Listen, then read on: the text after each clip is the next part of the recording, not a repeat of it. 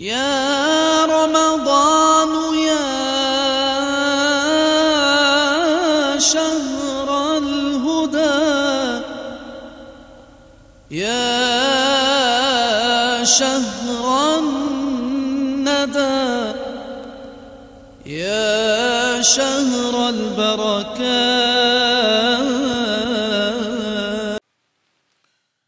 الحمد لله رب العالمين صلى الله وسلم على سيدنا محمد وعلى آله وصحبه الطيبين الطاهرين.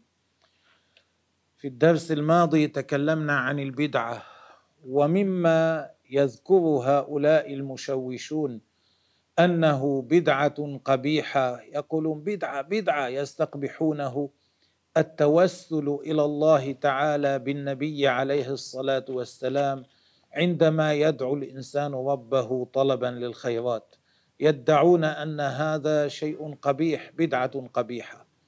كلامنا الآن سيكون عن هذا الأمر. قال المؤلف رحمه الله إثبات أن التوسل بالأنبياء والأولياء جائز وأنه ليس شركا كما تقول الوهابية. نعم ليس شركا كما يقول هؤلاء المشوشون. المقصود بهم الوهابية أتباع محمد بن عبد الوهاب. أمم. اعلم أنه لا دليل حقيقي يدل على عدم جواز التوسل بالأنبياء والأولياء في حال الغيبة أو بعد وفاتهم. يعني هؤلاء يقولون النبي مات كيف تتوسل به بعد موته؟ أو يقولون حتى في حياته إذا لم يكن حاضرا أمام الإنسان لا يجوز أن يتوسل به. فكيف بعد موته؟ هكذا يقولون. بدعوى أن ذلك عبادة لغير الله. يدعون أن أن من فعل هذا عبد غير الله. إنا لله وإنا إليه راجعون. الذي يتوسل بالنبي عليه الصلاة والسلام يقول اللهم بجاه محمد أعطني كذا فهو يدعو الله ويطلب من الله فكيف يكون ذلك عبادة للنبي. لأنه ليس عبادة لغير الله مجرد النداء لحي أو ميت. ليس عبادة لغير الله مجرد أن ينادي الإنسان حيا أو ميتا. إذا قلت لإنسان حي يا فلان هل أكون عبدته؟ لا أكون عبدته. وكذلك لو نادى إنسان ميتا يا أبا بكر يا عمر يا رفاعي لا هل يكون عبده؟ لا يكون عبده. يا محمد يا رسول الله هل يكون عبده؟ لا يكون عبده. مجرد نداء كيف يكون عبادة؟ مجرد الخطاب والنداء كيف يكون عبادة لغير الله. ولا مجرد التعظيم ولا مجرد الاستغاثة بغير أليس الله. نحن أليس نحن نقول أليس نحن نخاطب النبي عليه الصلاة والسلام في صلاتنا؟ السلام عليك أيها النبي ورحمة الله وبركاته. هل هو حاضر معنا؟ هل يكون خطابه شركا؟ نعوذ بالله من ذلك. الصلاة ليس فيها شرك. امضي.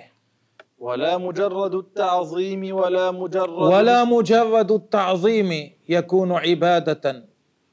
ذلك الصحابي وسياتي إن شاء الله قصته معنا.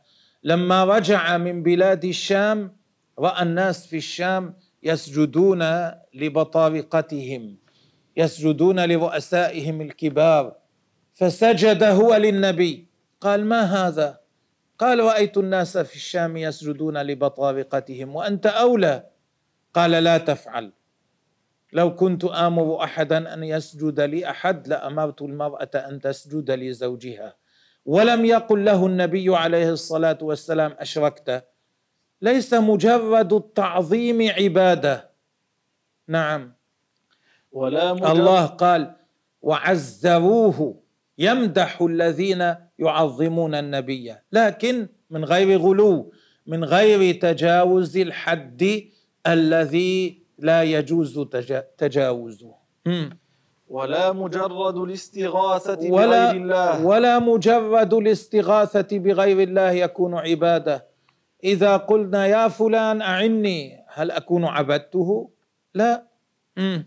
ولا مجرد قصد قبر ولي للتبرك. وإذا زار الإنسان قبر ولي من الأولياء للتبرك يعني يرجو بذلك نيل البركة. يقول هذا رجل له مقدار عال عند الله. أزوره لعلي أنتفع لعلي أدعو الله عنده فيستجاب دعائي ببركته لأجل منزلته عند الله. أي بأس بهذا؟ كيف يكون عبادة لهذا الولي كما يدعي هؤلاء الشاذون العبادة نهاية التذلل. العبادة معناها أقصى درجات الخشوع والخضوع. وعندما يزور الإنسان قبر ولي للبركة لا يتذلل لهذا الولي أقصى درجات التذلل. لا يكون متذللا في قلبه له كما يتذلل لله. فكيف يكون عبادة لهذا الولي؟ ولا مجرد طلب ما لم تجر به العادة بين الناس. ولا حتى لو طلب الإنسان من مخلوق آخر ما لم تجري به العادة بين الناس. لا يكون هذا كفرا ولا شركا ولا عبادة له. بعض الصحابة خدم النبي عليه الصلاة والسلام. والنبي عليه الصلاة والسلام كان يحب أن يكافئ من خدمه. قال له سل يعني اطلب. ماذا تريد؟ فقال له أسألك مرافقتك في الجنة. ما قال له النبي عليه الصلاة والسلام؟ هذا أمر لم تجري عادة الناس أن أن يطلبه الواحد من الآخر. كيف تطلب مني مثل هذا؟ هذا شرك. بل قال له أعني على نفسك بكثرة السجود. أكثر من الصلاة حتى تنال تلك الدرجة. هذا هو ما أنكر عليه عليه الصلاة والسلام. كيف يجعل هؤلاء الشاذون هذا الأمر الذي لم ينكره رسول الله؟ كيف يجعلونه كفرا؟ نعوذ بالله من الغلو. الله يحمينا من الغلو. امضي. ولا مجرد صيغة الاستعانة بغير الله تعالى. إيه، لو قال يا رسول الله المدد أعني. فعي المدد يا أبا بكر المدد أعني. أو نحو ذلك. ما تذلل بقلبه نهاية التذلل لأبي بكر ولا للرفاعي. كيف يكون شركا؟ أي ليس ذلك شركا لأنه لا ينطبق عليه تعريف العبادة عند اللغويين. إيه هذا لا يوافق تعريف. الشرك هو عبادة غير الله مع الله أن يعبد الإنسان غير الله.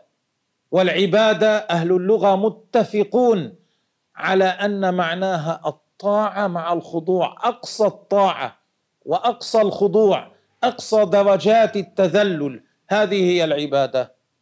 وهذا لا ينطبق على هذه الأحوال. فكيف يجعلون هذا عبادة لغير الله؟ يعني معنى هذا أنهم يكفرون المسلمين في المشرق والمغرب لأن المسلمين في المشرق والمغرب يفعلون هذا. لذلك يحكمون على المسلمين بسبب هذا بأنهم كفار وأن دمهم حلال وأن مالهم حلال وأن نساءهم حلال ولذلك هاجموا بلاد المسلمين ولذلك هاجموا مدن المسلمين ولذلك وضعوا المتفجرات في مدن المسلمين ولذلك قتلوا المسلمين ولذلك أخذوا أموال المسلمين لأن فعلهم هذا مبني على هذا الاعتقاد لأنهم وصلوا إلى درجة الغلو فكفروا المسلمين بغير حق في المشرق والمغرب. عندهم الناس كلهم ضلال إلا هم. والنبي عليه الصلاة والسلام قال إن العبد إذا قال ضل الناس فهو اضلهم إذا إنسان اتهم الناس كلهم بالضلال هو الواقع في الضلال. نسأل الله تبارك وتعالى أن يحفظنا من مثل ذلك. لأنه لا ينطبق عليه تعريف العبادة عند اللغويين لأن العبادة عندهم الطاعة مع الخضوع. نعم. قال الأزهري الذي أي أقصى درجات الطاعة وأقصى درجات الخضوع. هذه ال عندما تدخل على مثل هذه الكلمات تفيد الأقصى من الجنس الحد الأقصى. مم. قال الأزهري الذي هو أحد كبار اللغويين في كتاب تهذيب اللغة نقلا عن الزجاج الذي هو من أشهرهم كل هؤلاء من اللغويين الكبار. العبادة في لغة العرب الطاعة مع الخضوع هي أقصى الطاعة مع أقصى الخضوع هذه العبادة. وقال مثله الفراء كما في لسان العرب والفراء من كبار اللغويين مم. وقال بعضهم أقصى غاية الخشوع والخضوع أيضا قال السبكي تقي الدين السبكي أقصى غاية الخشوع والخضوع كلها بمعنى واحد مم. وقال بعض نهاية التذلل إيه، الراغب الأصبهاني قال نهاية التذلل مم. كما يفهم ذلك كما يفهم ذلك من كلام شارح القاموس مرتضى الزبيدي خاتمة اللغويين. نقله عنه الزبيدي وأقره. في تاج العروس. نهاية نهاية النهاية يعني الأقصى الغاية. هذا هو الذي قالوه. ما قالوا؟ مجرد قصد التبرك بزيارة ولي حي أو ميت يكون كفرا. ما أحد قال هذا قبل هؤلاء الشاذين. وهذا الذي يستقيم لغة وعرفا. هذا الذي يدل عليه اللغة تدل عليه اللغة ويدل عليه عرف الشرع حكم الشرع. وليس مجرد التذلل عبادة لغير الله. إيه، ليس مجرد أن يتذلل إنسان لغير الله يكون عبده. إنما إذا تذلل له نهاية التذلل يكون عبده. وإلا هؤلاء أنفسهم أليس يتذللون لملوكهم؟ هل يكونون عبدوهم؟ إنما العباده أقصى درجات التذلل ليس مجرد التذلل.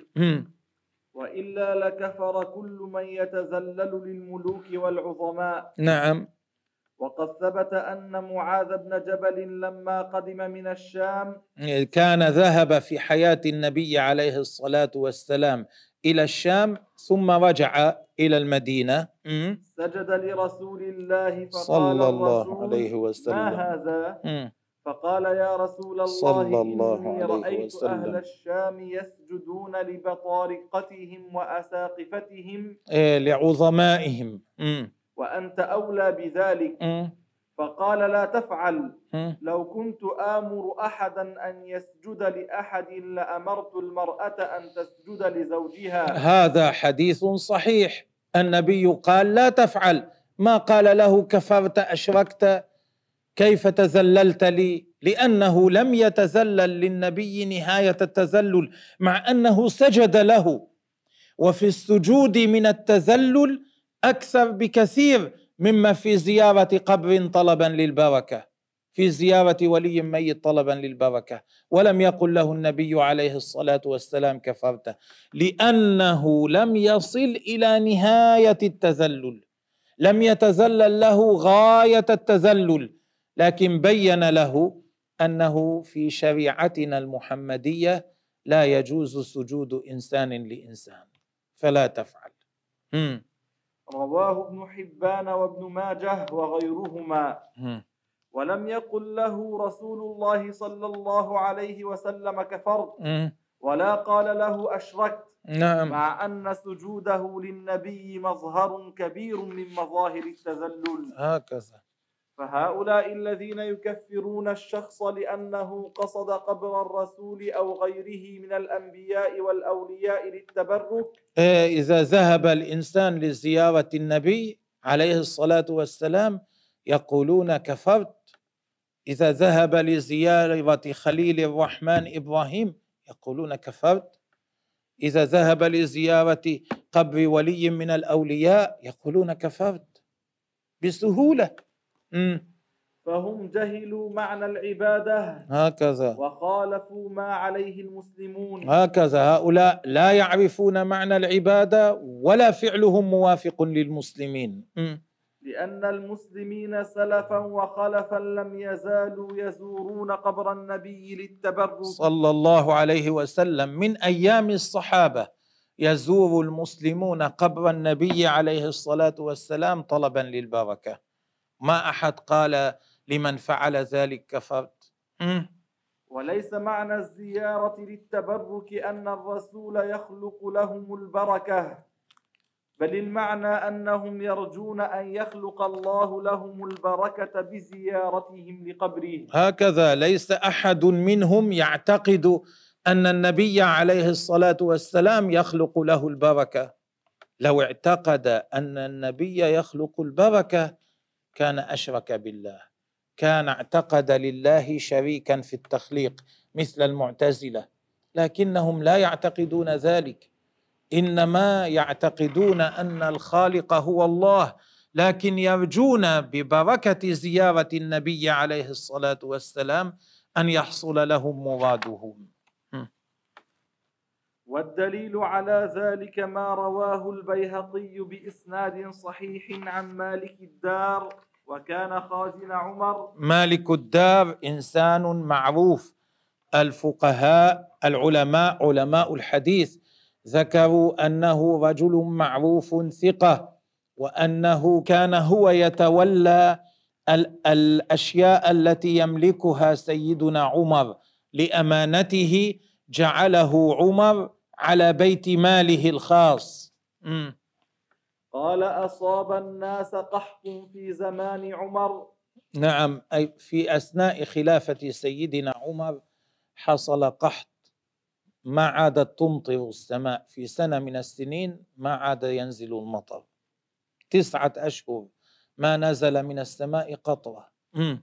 فجاء رجل إلى قبر النبي صلى الله عليه وسلم فقال واحد من الصحابة جاء إلى قبر النبي عليه الصلاة والسلام. جاء إلى القبر. أليس هم يقولون من زار القبر طلبا للبركة؟ كفر. هذا الصحابي جاء إلى قبر النبي صلى الله عليه وسلم. نعم. فقال يا رسول الله فخاطب النبي بعد موته. أليس يمنعونهم أن يقال يا رسول الله بعد الموت؟ هو قال يا رسول الله بعد موته. فقال يا رسول الله استسق لأمتي استسق لأمتك. اطلب يا رسول الله من ربك أن يسقي أمتك طلب من النبي عليه الصلاة والسلام واستعان به بعد موته أليس هؤلاء الوهابية يقولون إن الاستعانة بالنبي بعد موته والطلب منه كفر وشرك هذا الصحابي فعل ذلك. فقال يا رسول الله استسق لأمتك فإنهم قد هلكوا يعني قاربوا الهلاك هلكوا قاربوا الهلاك مم. فأتي الرجل في المنام فقال في المنام رؤيا رأى نبي الله عليه الصلاة والسلام في منامه. مم. فقيل له أقرئ عمر السلام. بلغ السلام لعمر. وأخبره أنهم يسقون. وأخبر عمر أنهم سيسقون سينزل المطر. وقل له عليك الكيس الكيس. وقل له عليك الكيس. يعني يا عمر افعل ما ينبغي أن تفعله في خدمة الأمة. هذا معناه ابذل ابذل جهدك في ذلك. مم. فأتى الرجل عمر فأخبره. جاء الرجل إلى سيدنا عمر أخبره بما حصل معه. ما أنكر عليه سيدنا عمر. ما قال له كفرت؟ ما قال له كيف تذهب إلى القبر؟ فتطلب من النبي عليه الصلاة والسلام بعد موته. ما قال شيئا من ذلك.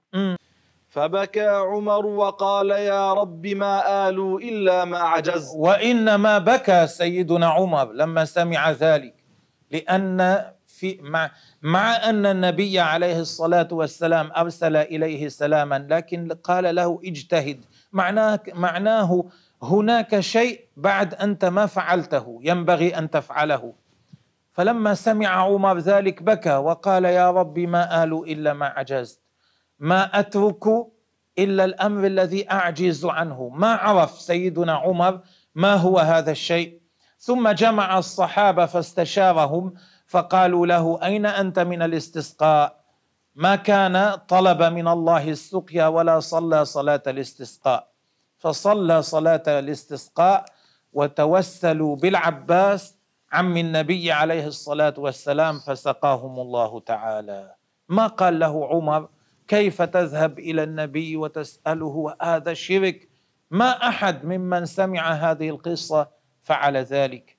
إنما لما عمر استشار الناس وأخبرهم بما حصل مع هذا الصحابي ما أحد منهم قال له من الصحابة كانوا من الصحابة. ما أحد منهم قال له كيف ذهب إلى القبر؟ كيف طلب؟ كلهم قبلوا ذلك. الصحابة لا يعرفون الدين ثم يأتي هؤلاء فيعرفونه.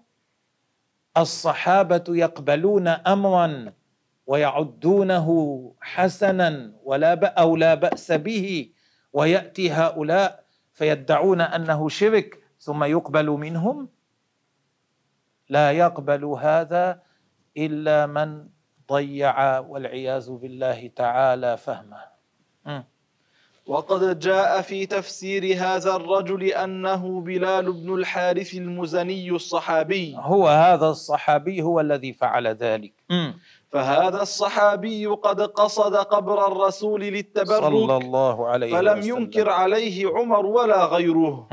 فبطل دعوى ابن تيمية أن هذه الزيارة شركية. ابن تيمية الذي هو فتح الباب لهؤلاء الوهابية كان يقول هذه زيارة شركية من زار قبر النبي عليه الصلاة والسلام للبركة للتبرك هذه زيارة شركية.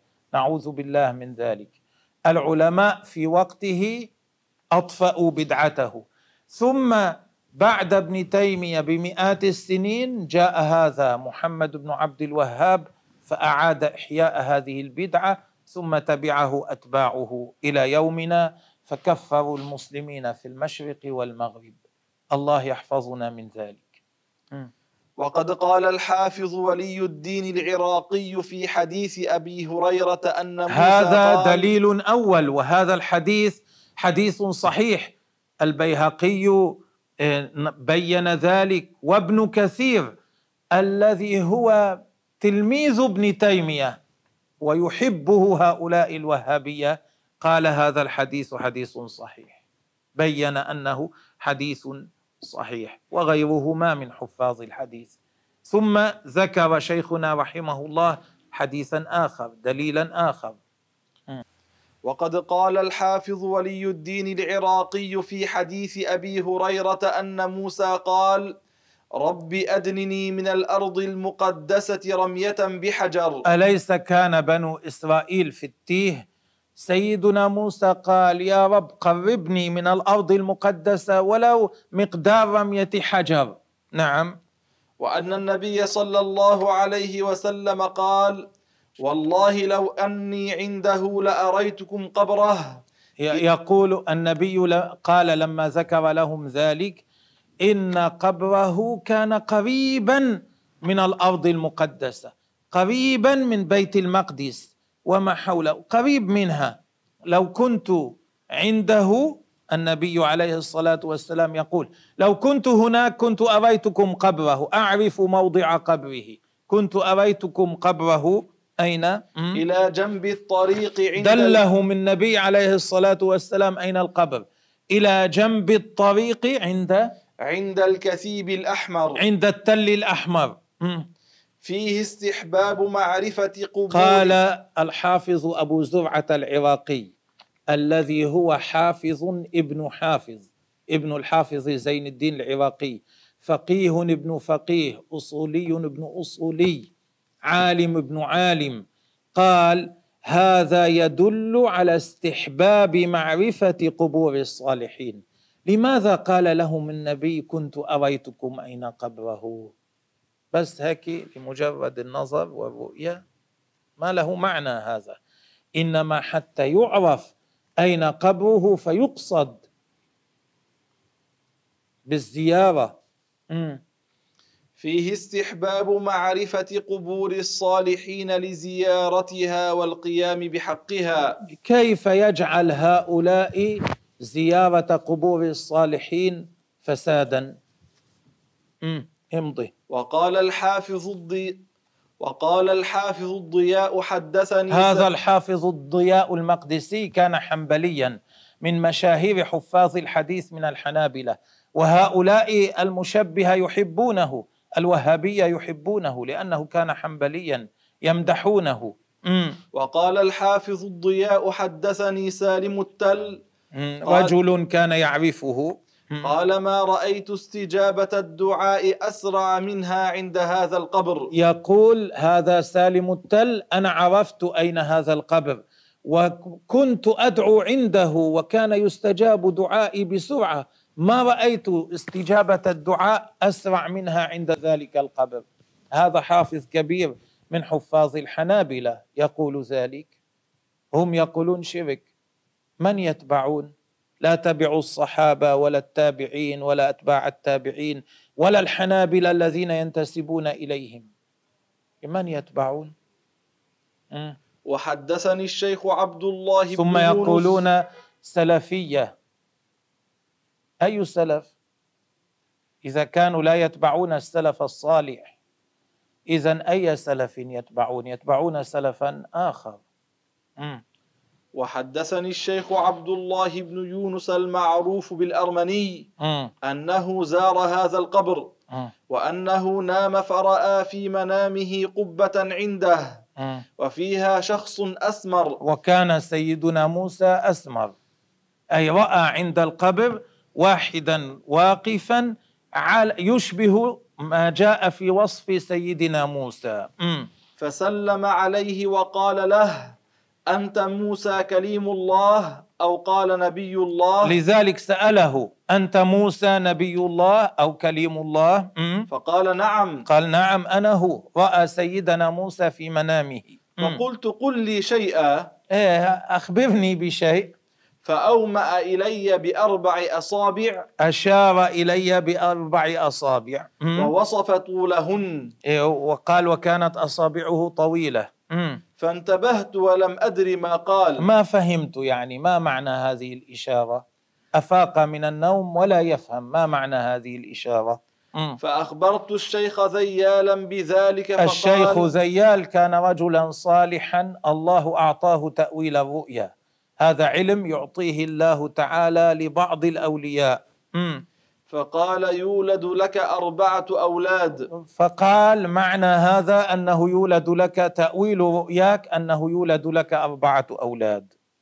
فقلت أنا قد تزوجت امرأة لم أقربها. فقال أنا قد تزوجت امرأة لكن بعد ما دخلت بها. مم. فقال تكون غير هذه. بعد ما عملنا العرس.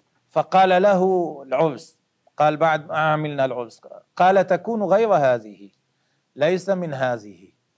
فتزوجت أخرى فولدت لي أربعة أولاد. قال فتزوجت أخرى بعد ذلك فولدت لي أربعة أولاد كما جاء في هذه الرؤيا كما أول لي الرؤيا هذا الرجل.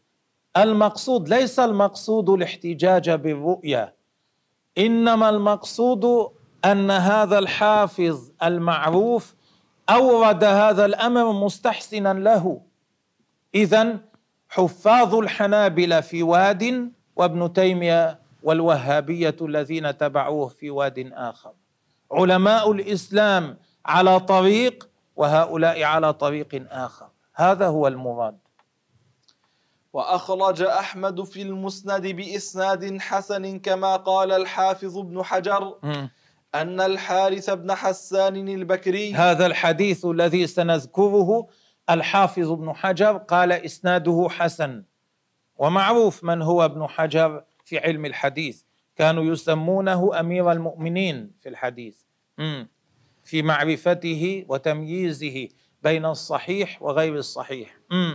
أن الحارث بن حسان البكري قال قال لرسول الله صلى الله عليه وسلم أعوذ بالله ورسوله أن أكون كوافد عاد انظر قال أعوذ بالله ورسوله.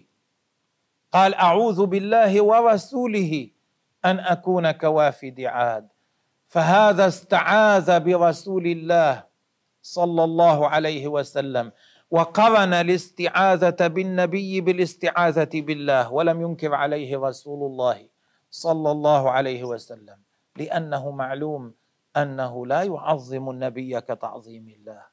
وهكذا هؤلاء الذي المسلمون الذين ينادون النبي أو يتوسلون بالنبي عليه الصلاة والسلام أو يزورون قبره طلبا للبركة لا يعظمون نبي الله كتعظيم الله فكيف يحكم عليهم بالشرك؟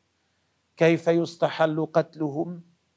كيف تستحل أموالهم؟ الحديث بطوله دليل يبطل قول الوهابية الاستعاذة بغير الله شرك. وهذا يبطل قولهم أن الاستعاذة بغير الله شرك أن طلب العوذ طلب الحماية من غير الله شرك. مم.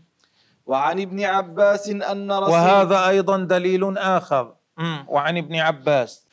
وعن ابن عباس أن رسول الله صلى, الله عليه وسلم. قال. إن لله ملائكة في الأرض سوى الحفظة. غير الحفظة يوجد ملائكة في الأرض غير الملائكة الذين وكلهم الله أن يحفظوا الواحد منا.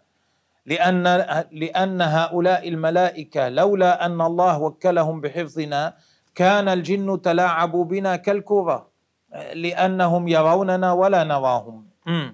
يكتبون ما يسقط من ورق الشجر. يس- يكتبون ما الذي سقط من ورق الشجر. سقطت ورقة من هذه الشجرة من هذه الشجرة. لأن نبات النبات هو بسبب الملائكة وإن كان السبب الظاهر غير هذا غير هذا. مم. فإذا أصاب أحدكم عرجة بأرض فلاه إذا نزل بأحدكم شيء في أرض فلا ما فيها أحد. أرض فلات ما فيها أحد. نزل به شيء يحتاج معه إلى العون ولا يوجد من يعينه. فلينادي أعينوا عباد الله. وهو لا يراهم. النبي عليه الصلاة والسلام أمره أن ينادي أعينوا عباد الله هذه استعانة بغير الله تبارك وتعالى. كيف يقولون من فعل هذا أشرك إذا استعان بغير الله بمخلوق وهو ليس حاضرا عنده يكون أشرك؟ والنبي عليه الصلاة والسلام قال ليستعن بهؤلاء فإنه يوجد ملائكة إذا قال هذا يعينونه. عدد من العلماء جربوا هذا الحديث فوجدوه صحيحا صدقا. واحد منهم النووي ذكر في الأذكار ذلك. يفلت تفلت منه بهيمته. تفلت تجمح لا يدركها. ثم يقول يا عباد الله أعينوا فتتوقف فجأة. كأنها أمسكت. هذا مما ذكره العلماء بهذا. عن هذا الحديث. عمل به العلماء وهو وهو صحيح ثابت. امضي. رواه الطبراني وقال الحافظ الهيثمي رجاله ثقات. الحافظ الهيثمي عالم كبير من علماء الحديث قال رجاله ثقات. حافظ بلغ درجة الحفظ. معروف مشهور. صاحب مجمع الزوائد. نعم. وقال رسول الله صلى الله عليه أيضا وسلم حديث آخر. حياتي خير لكم. تحدثون ويحدث لكم. عندما أكون حيا حياتي فيها خير لكم لأنكم تفعلون أمورا فينزل الوحي بشأنها فيتبين الأحكام الشرع بشأن هذه الأمور. مم. ووفاتي خير لكم. أيضا مماتي فيه خير لكم. تعرض علي أعمالكم. الله تعالى يعرض علي أعمالكم. أرى يريني الله أعمالكم أي من حيث الجملة. ليس تفاصيل كل عمل كل شخص لكن من حيث الجملة. الله يطلعه على أعمال العباد. مم. فما رأيت من خير حمدت الله عليه. مم. وما رأيت من شر استغفرت لكم. إذا النبي عليه الصلاة والسلام بعد موته ينفعنا. إذا رأى شرا استغفر لنا. ليس النبي عليه الصلاة والسلام في قبره منقطع انقطاعا كليا عن أمر أمته. لا يعلم شيئا بأمر أمته. ولا هو كالخشبة في قبره إنما هو يصلي في قبره الشريف. وإذا وتبلغه الملائكة السلام من سلم عليه بعيدا ومن سلم عليه عند قبره يسمعه. اذا ما هو المانع؟ لو قال إنسان يا رسول الله أعني. لو دعا الله أحسن يكون له ثواب. لكن نحن لا نتكلم في هذا. كلامنا أن هؤلاء الوهابية يقولون كفر خرج من الإسلام وهو لم يعبد غير الله. كيف يصير مشركا؟ امضي. رواه البزار ورجاله رجال الصحيح. هكذا. رجاله رجال الصحيح سنده أسانيده إسناده صحيح هذا الحديث. مم. نعم. وأخرج الطبراني في معجميه الكبير والصغير. أخرج الطبراني نعم. وأخرج الطبراني في معجميه الكبير والصغير عن عثمان بن حنيف. الطبراني له ثلاثة كتب. كل واحد يسمى المعجم واحد الكبير يسمى المعجم الكبير أكبرها وثان يقال له الأوسط وثالث يقال له الصغير في مجلد واحد مم. عن عثمان بن حنيف أن رجلا كان يختلف إلى عثمان بن عفان كان رجل يأتي إلى سيدنا عثمان لما كان عثمان رضي الله تعالى عنه خليفة يريد حاجة من عثمان مم. فكان عثمان لا يلتفت إليه ولا ينظر في حاجته. سيدنا عثمان لا ينظر في حاجته لا يقضي له حاجته. فلقي عثمان بن حنيف فشكى إليه ذلك. هذا الرجل التقى بصحابي يقال له عثمان بن حنيف فشكى إليه ذلك قال أنا آتي أنا أجيء إلى عثمان لا يلتفت إلي لا يقضي حاجتي. فقال ائت الميضأة فتوضأ ثم صل ركعتين. قال له ائت الميضأة اذهب إلى مكان الوضوء توضأ ثم صل ركعتين. م. ثم قل اللهم إني أسألك وأتوجه إليك بنبينا محمد النبي الرحمة. قال له توضأ ثم صل ركعتين. ثم قل ادعو الله اللهم إني أسألك وأتوجه إليك بنبينا محمد النبي الرحمة. لفظ صريح أن عثمان بن حنيف هذا الصحابي علم هذا الرجل أن يتوضأ ويصلي ركعتين ويتوسل بالنبي عليه الصلاة والسلام بعد وفاة رسول الله عليه الصلاة والسلام. كيف يقولون شرك؟ امضي. يا محمد إني أتوجه بك إلى ربي في حاجتي لتقضى لي. ليس فقط هذا وعلمه أن يقول يا محمد إني أتوجه بك إلى ربي في حاجتي لتقضى لي. ثم روح حتى أروح معك. قال له ثم تعال إلي لنذهب إلى عثمان أنا وأنت. فانطلق الرجل ففعل ما قال. ذهب الرجل فعل ما قال توضأ صلى ركعتين ثم قال هذه الكلمات. ثم أتى باب عثمان فجاء. ثم ذهب وحده إلى عثمان بن عفان. فجاء البواب فأخذ بيده. لما عرف عثمان أنه بالباب قال أدخله. البواب جاء أخذ بيده فأدخله. فأخذ بيده فأدخله على عثمان بن عفان فأجلسه على طنفسته. كان سيدنا عثمان جالسا على بساط. أجلسه بجانبه على البساط الذي هو جالس عليه. فقال ما حاجتك؟ ما, ما الذي تريده؟ فذكر له حاجته فقضى له حاجته. قضى حاجته فعل حاجته. وقال ما ذكرت حاجتك حتى كانت هذه الساعة. قال أنت أخبرتني قبل لكن كنت أنسى. الآن تذكرت. لما فعل لما صلى هذه الصلاة ودعا هذا الدعاء الله حرك قلب عثمان لتذكر حاجته. فأدخله وقضى له حاجته. ثم خرج من عنده فلقي عثمان بن حنيف. إيه، التقى بذلك الصحابي الذي علمه ذلك. فقال جزاك الله خيرا. إيه، فظن أن ذلك الصحابي عمل له واسطة عند عثمان. فهو الذي أخبر سيدنا عثمان بأمره لذلك قضى حاجته. فقال جزاك الله خيرا. ما كان ينظر في حاجتي ولا يلتفت إلي حتى كلمته في. ما كان ينظر في حاجتي ولا يلتفت حتى أن تكلمته فذكرته. فقال عثمان بن حنيف والله ما كلمته. فقال هذا الصحابي والله ما كلمته. أنا ما طلبت منه.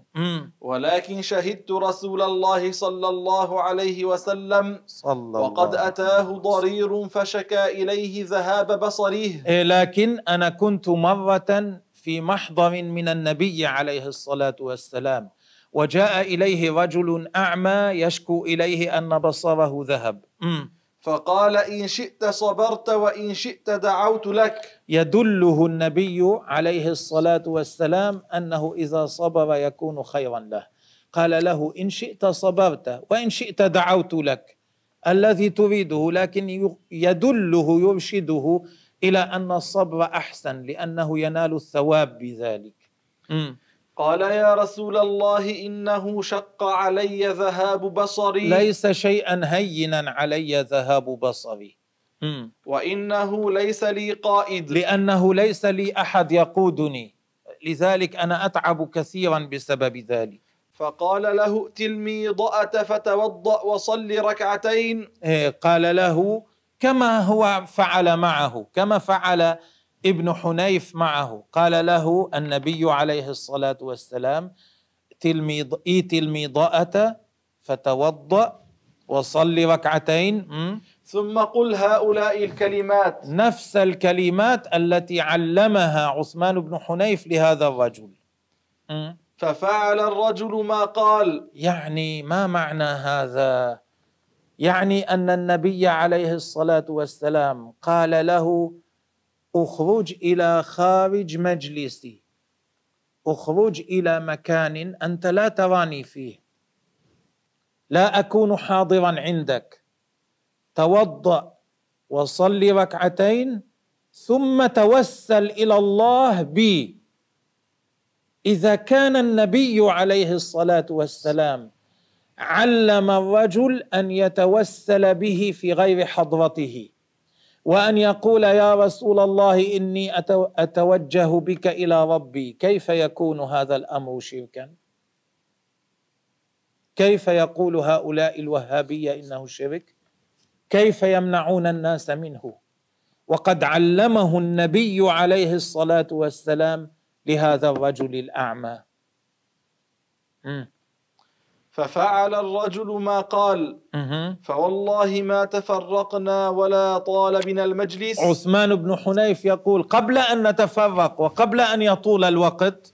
حتى دخل علينا الرجل وقد أبصر كأنه لم يكن به ضر قط. رجع الرجل إلينا وقد رد الله عليه بصره. بعد وقت قصير ذهب توضأ صلى ركعتين دعا الله رد الله عليه بصره. دعا الله متوسلا بالنبي عليه الصلاة والسلام. في غير حضرته فكيف يقولون لا يجوز التوسل إلا بالحي الحاضر؟ كيف يقول بعضهم إنه شرك؟ كيف يقولون لا يجوز أن يقال يا رسول الله أعني افعل كذا؟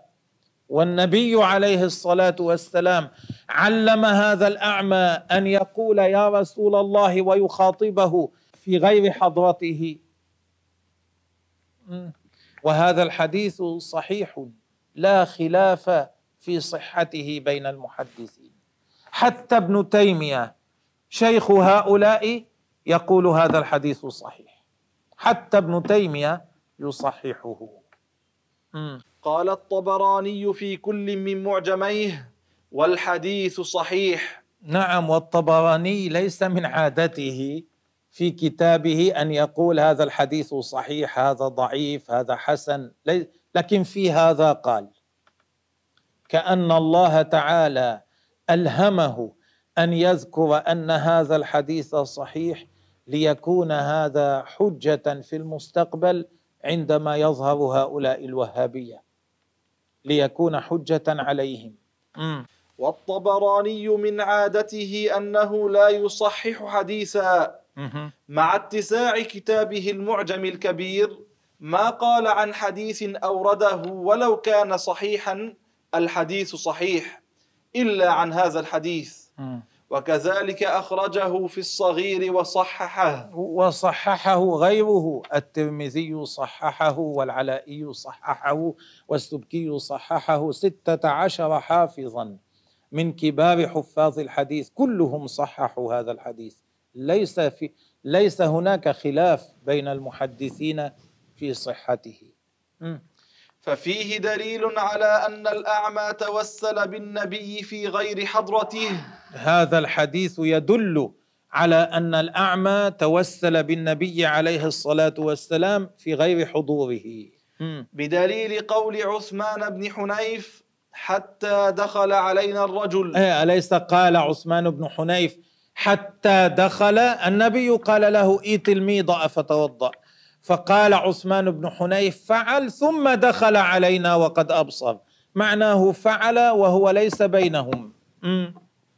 وفيه أن التوسل بالنبي جائز في حالة حياته وبعد مماته. يدل صراحة على هذا مع الأحاديث التي سبقت قبله.